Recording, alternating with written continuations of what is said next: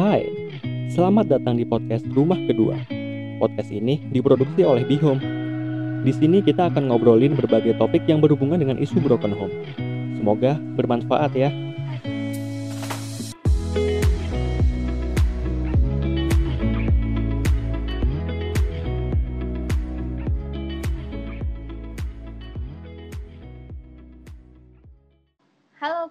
Home, selamat datang kembali di podcast rumah kedua. Kali ini kita masuk di episode keempat dan di sini kita akan ngobrol-ngobrol, kita akan berbincang dengan topik tumbuh sebagai anak broken home. Oke, dan nggak kerasa nih udah episode keempat, padahal baru dikit sih. Nggak. Hmm, kita kayaknya bakal jalan banyak episode sih. Kita bakal bahas banyak-banyak topik seputar broken home. Broken home. Tapi Jadi, karena kita oh, masih? Hmm, Buat teman-teman yang belum tahu, podcast rumah kedua ini update setiap hari Sabtu jam 7 malam. Jadi bisa di kalian dengarkan di Spotify rumah kedua atau di YouTube Bihome.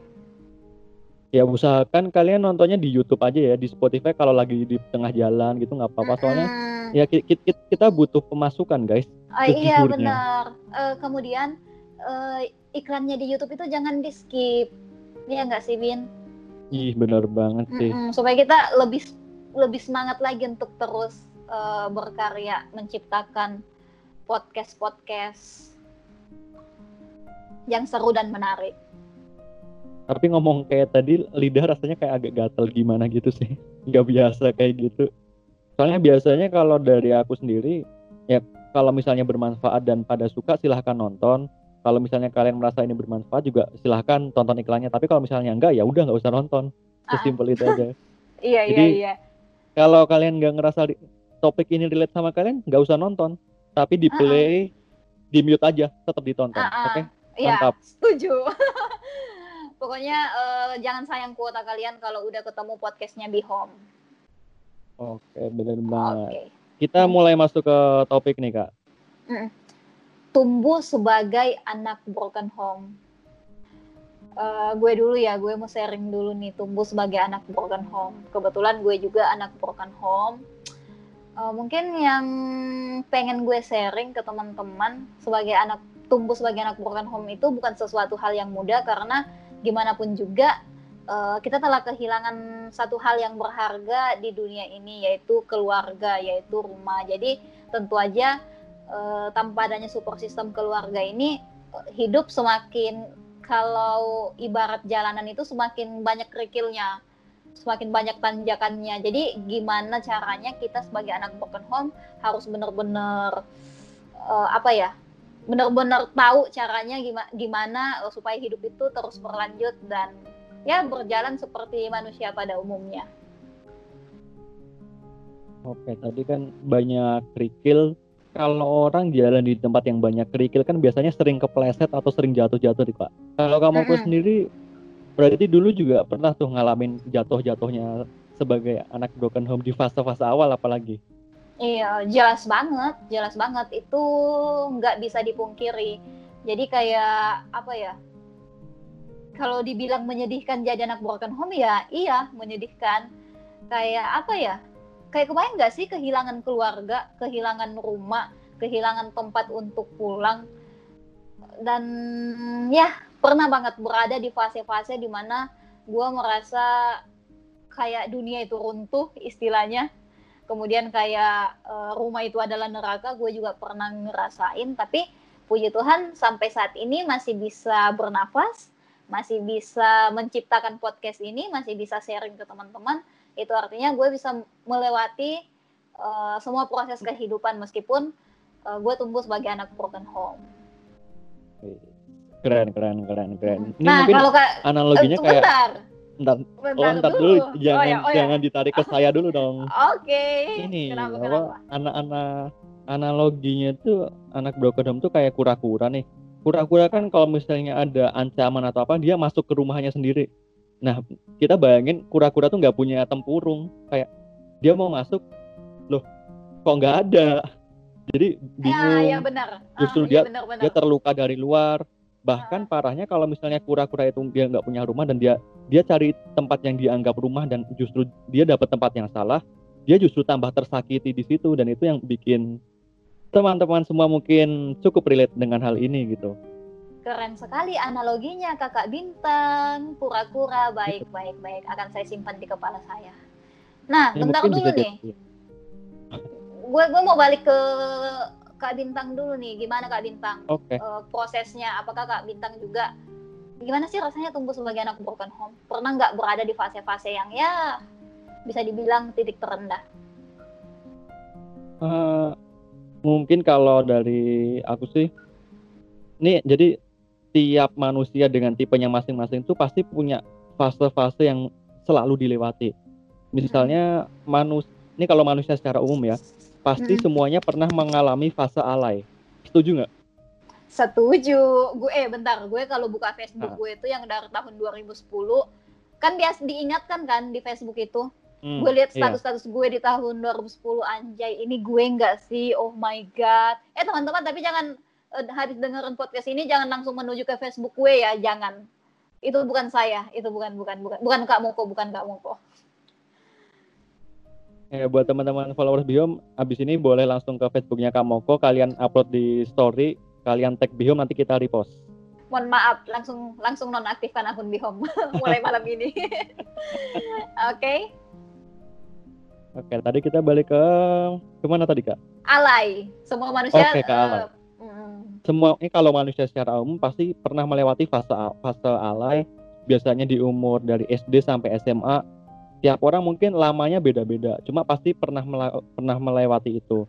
Nah, kalau konteksnya di anak broken home, pasti mereka pernah juga mengalami fase apa ya? Mungkin kalau orang-orang nyebutnya titik terendah dalam hidup gitu, ibaratnya.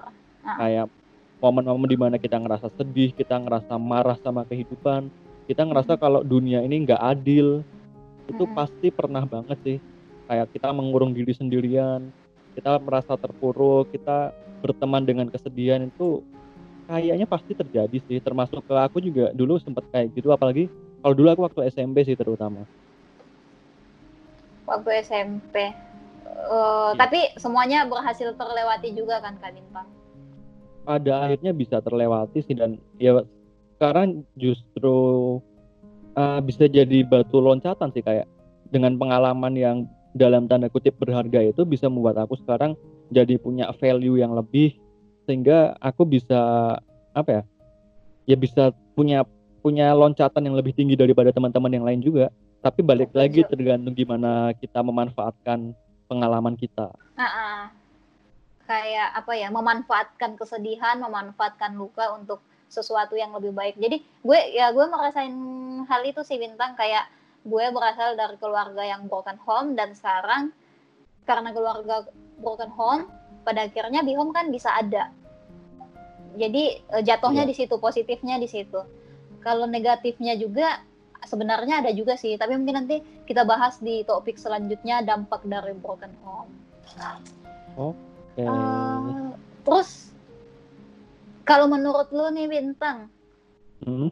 hmm? ini bukan dilihat dari apa yang lu alami, tapi kalau lu memandang teman-teman di luar sana yang mengalami hal sama, gimana tuh?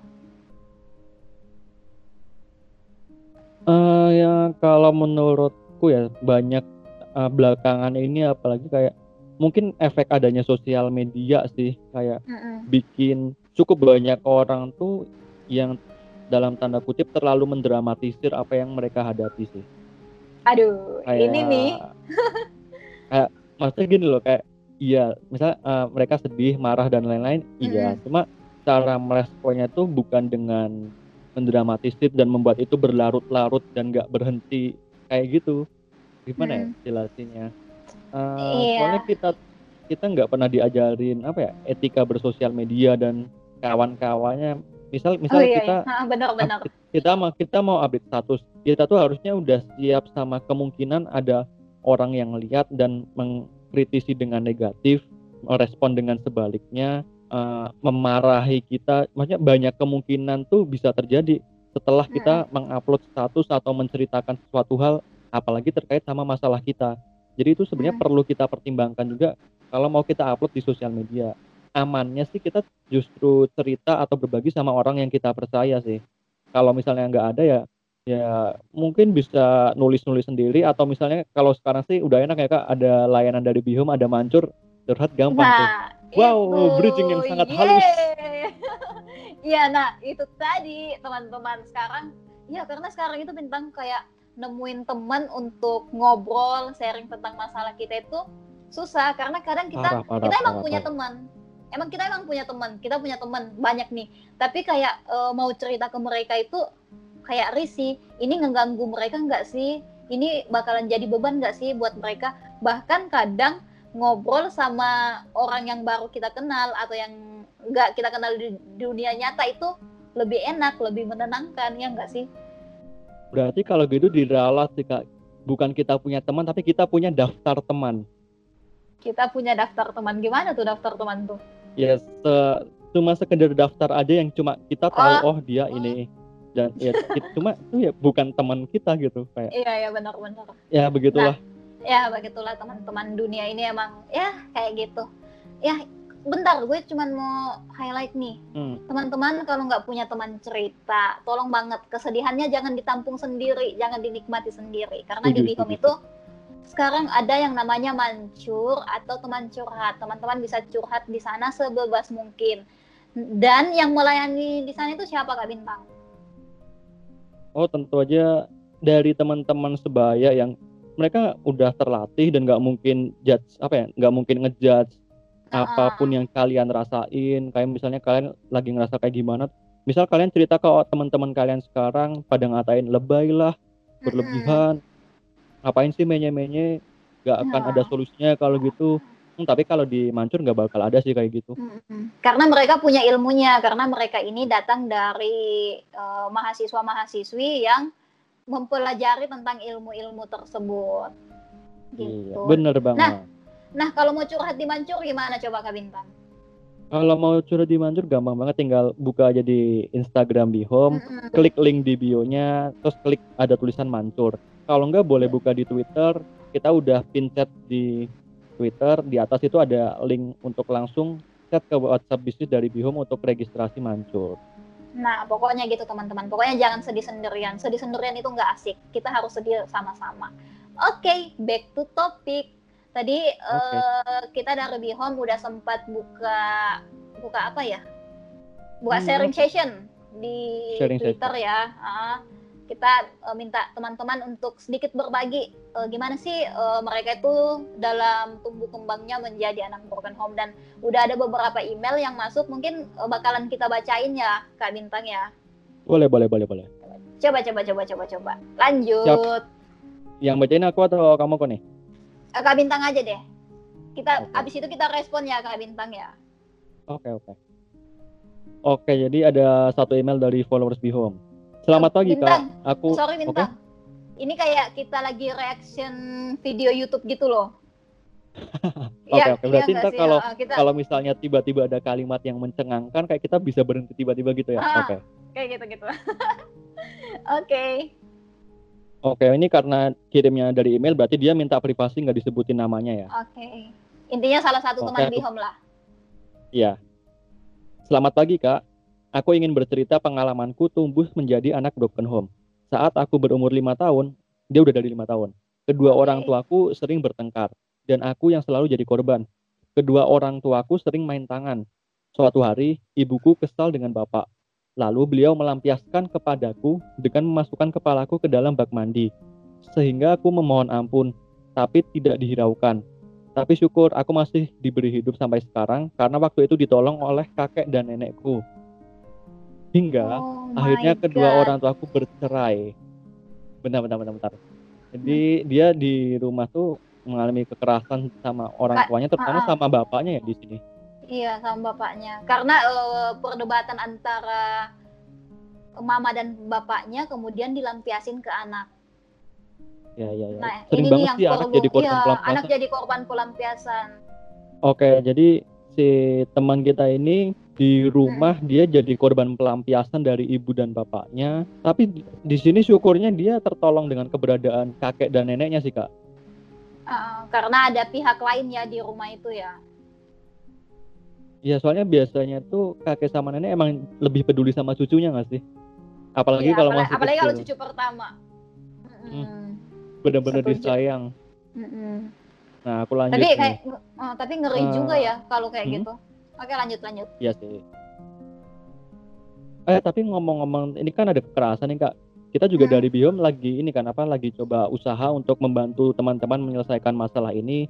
Kita lagi coba mengembangkan juga adalah nanti semoga aja minta minta doanya teman-teman Nah, supaya kita bisa segera menghasilkan layanan baru untuk menyelesaikan masalah teman-teman semua. mm-mm. Oke, yang lanjut masalah-masalah berat kayak gini ya. Ya, Oke lanjut. Jadi setelah si teman kita ini ditolong sama kakek dan neneknya, pada akhirnya orang tuanya bercerai. Ibu menikah lagi, begitupun bapak. Aku tinggal dengan kakek dan nenekku. Oke. Istri bapak yang katanya pengganti ibu tidak perhatian padaku. Dia selalu marah jika bapak memberi uang kepadaku. Istri bapak tidak setuju jika aku kuliah karena jatah bulanan yang diberikan padanya akan berkurang. Sehingga bapak harus diam-diam memberikan uang padaku.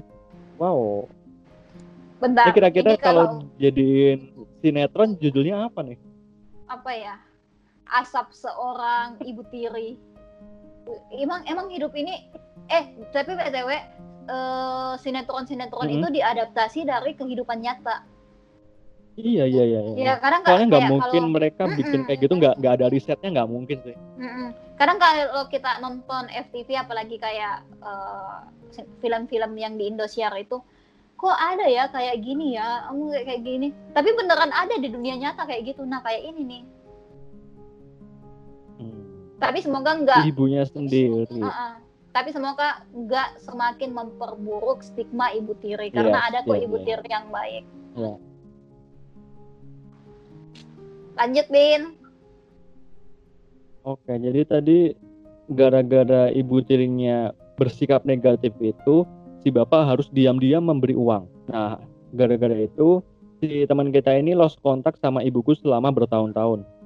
Karena ibuku tinggal di Malaysia dan menikah di sana. Oh, nikahnya di Malaysia, Kak. Ibunya di luar. Kemudian mempunyai dua anak. Ah, Bapakku juga mempunyai dua anak dengan istri barunya, sehingga aku tidak diperhatikan lagi. Dan sekarang bapakku malah dekat dengan wanita lain. Dalam tanda kutip bisa disebut pelakor. Yang paling parah pernah diajak main ke rumah kakek nenekku. Waduh, waduh, waduh, waduh, waduh, wah. waduh. Jadi Kok jadi nambah melebar ma- nih? Uh-uh, mamanya udah nikah, papanya udah nikah lagi, tapi papanya Mm-mm. selingkuh lagi. Mm-mm, Aduh, be- beneran kayak sinetron banget ya hidupnya, tapi beneran nyata. Lanjut lagi, Iya. Bin. Aduh, emang ya ini nih yang dihadapi oleh seorang anak broken home dalam kehidupannya. Bener-bener Iya, ke eh, nah, kalau ini nih benar-benar sebagai korban kali ya bintang ya. Iya sih. Mm-mm. Dan Coba kadang kalau dulu deh, kita Kak. ada di posisi itu pa- pasti bingung banget sih kita harus ngapain. Itu wajar Mm-mm. banget sih. Hmm, kita bingung Oke. banget tapi dia sampai Nah, hari ini masih lanjut, bisa bertahan. Iya, keren, Keren banget. banget. Ha, ha, ha. Aku lanjutin baca ya. Eh, si pelakor juga sering memberi makanan. Aku nggak tahu harus gimana lagi kak. Aku nggak pengen bapak nikah lagi dengan pelakor itu. Aku bingung mau cerita ke siapa. Kalau cerita ke teman, aku takut dibully. Aku selalu berpikir untuk keluar kuliah dan kerja saja agar bisa hidup mandiri. Terima kasih ya kak. Setidaknya aku punya tempat berbagi cerita di sini. Yeay.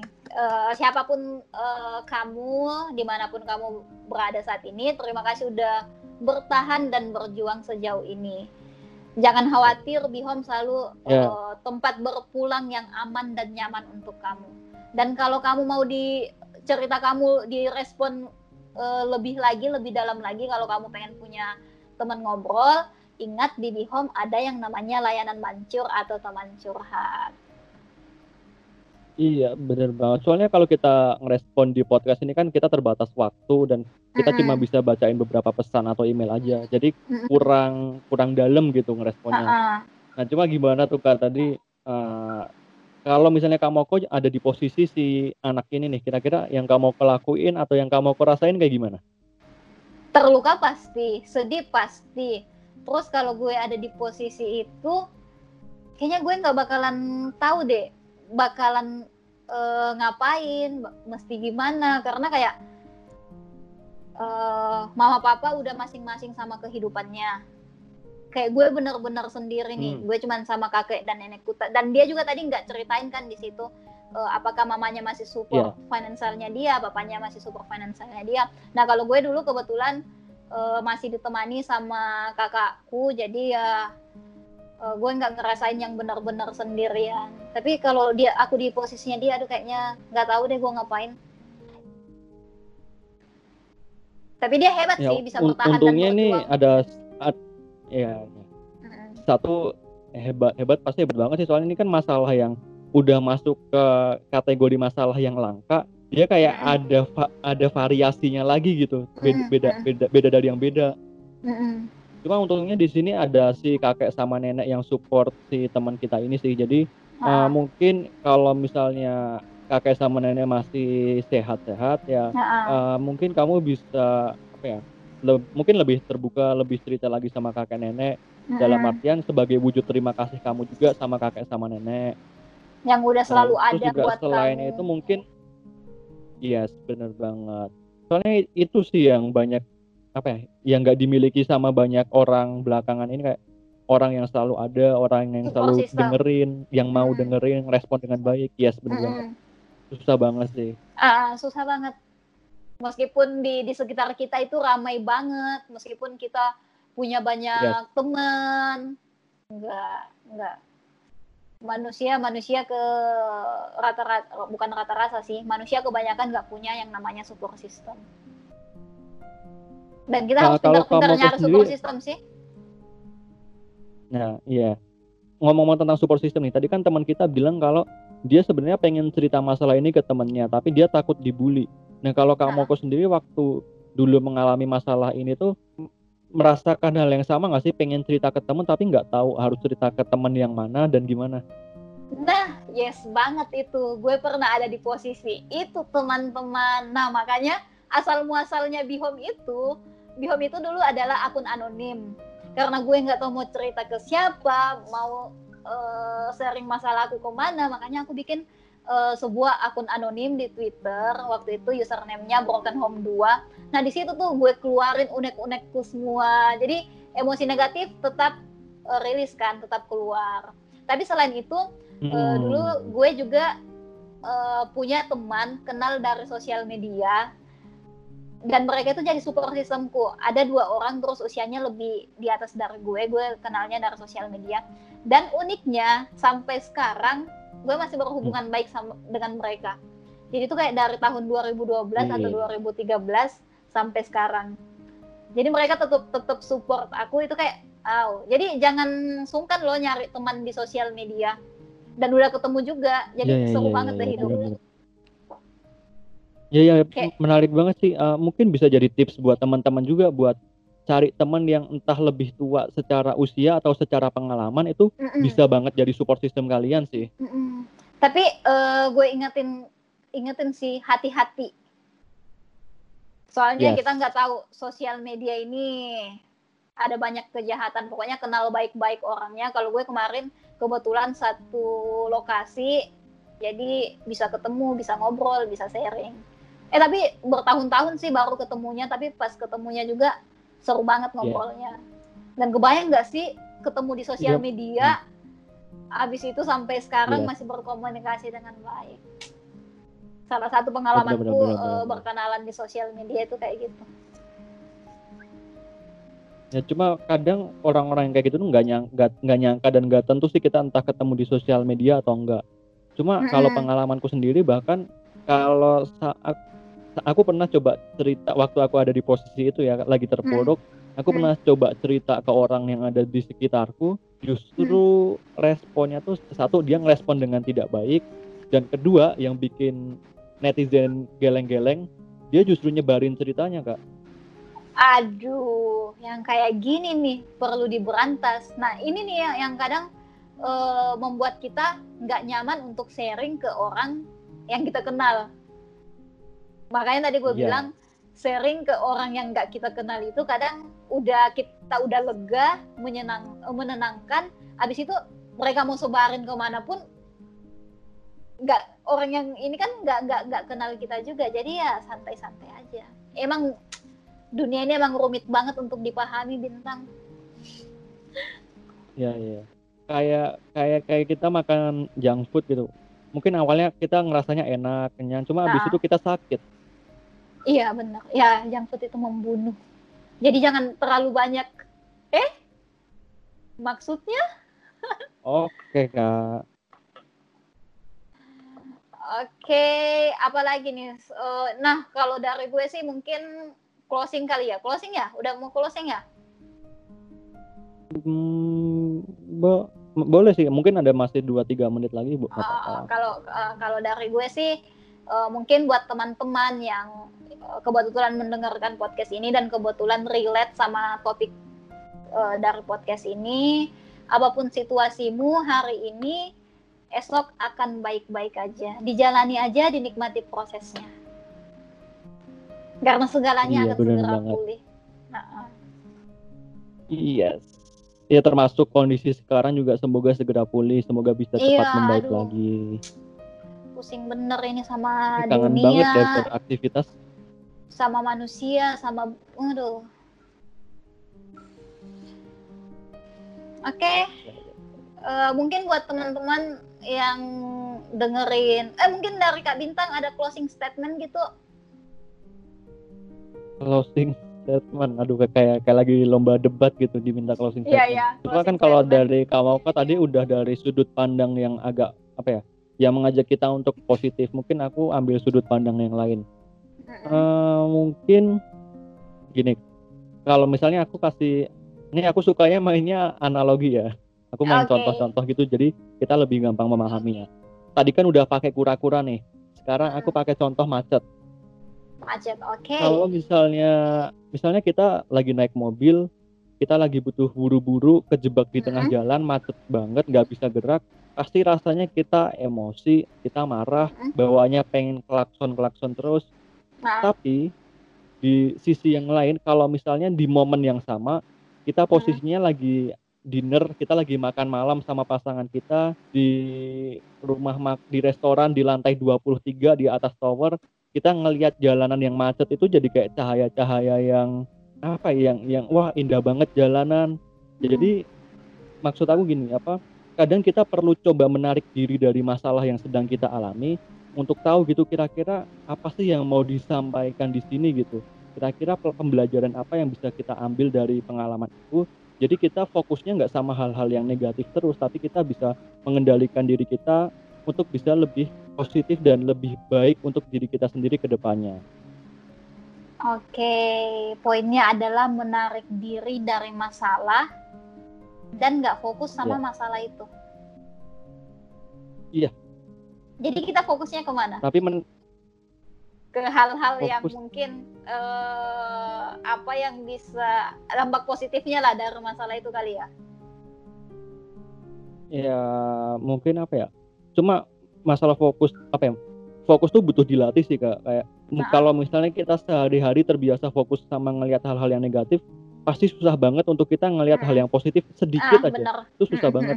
Jadi ya anggap aja itu jadi latihan kita untuk pelan-pelan belajar melihat kalau hidup tuh nggak seutuhnya negatif kok. Adalah dikit-dikit positifnya. Pasti ada hal positif. Meskipun kita banyak-banyak banget berjuta-juta masalah sama kita, pasti eh, ada hal positif dari masalah-masalah tersebut. Iya, benar banget. Oke, mungkin episode keempat berakhir di sini. Buat teman-teman, eh, jangan lupa selalu dengarkan podcast Rumah Kedua setiap hari Sabtu jam 7 malam di Spotify dan di YouTube-nya Be Home. Bye, Bye-bye. sampai jumpa di episode selanjutnya.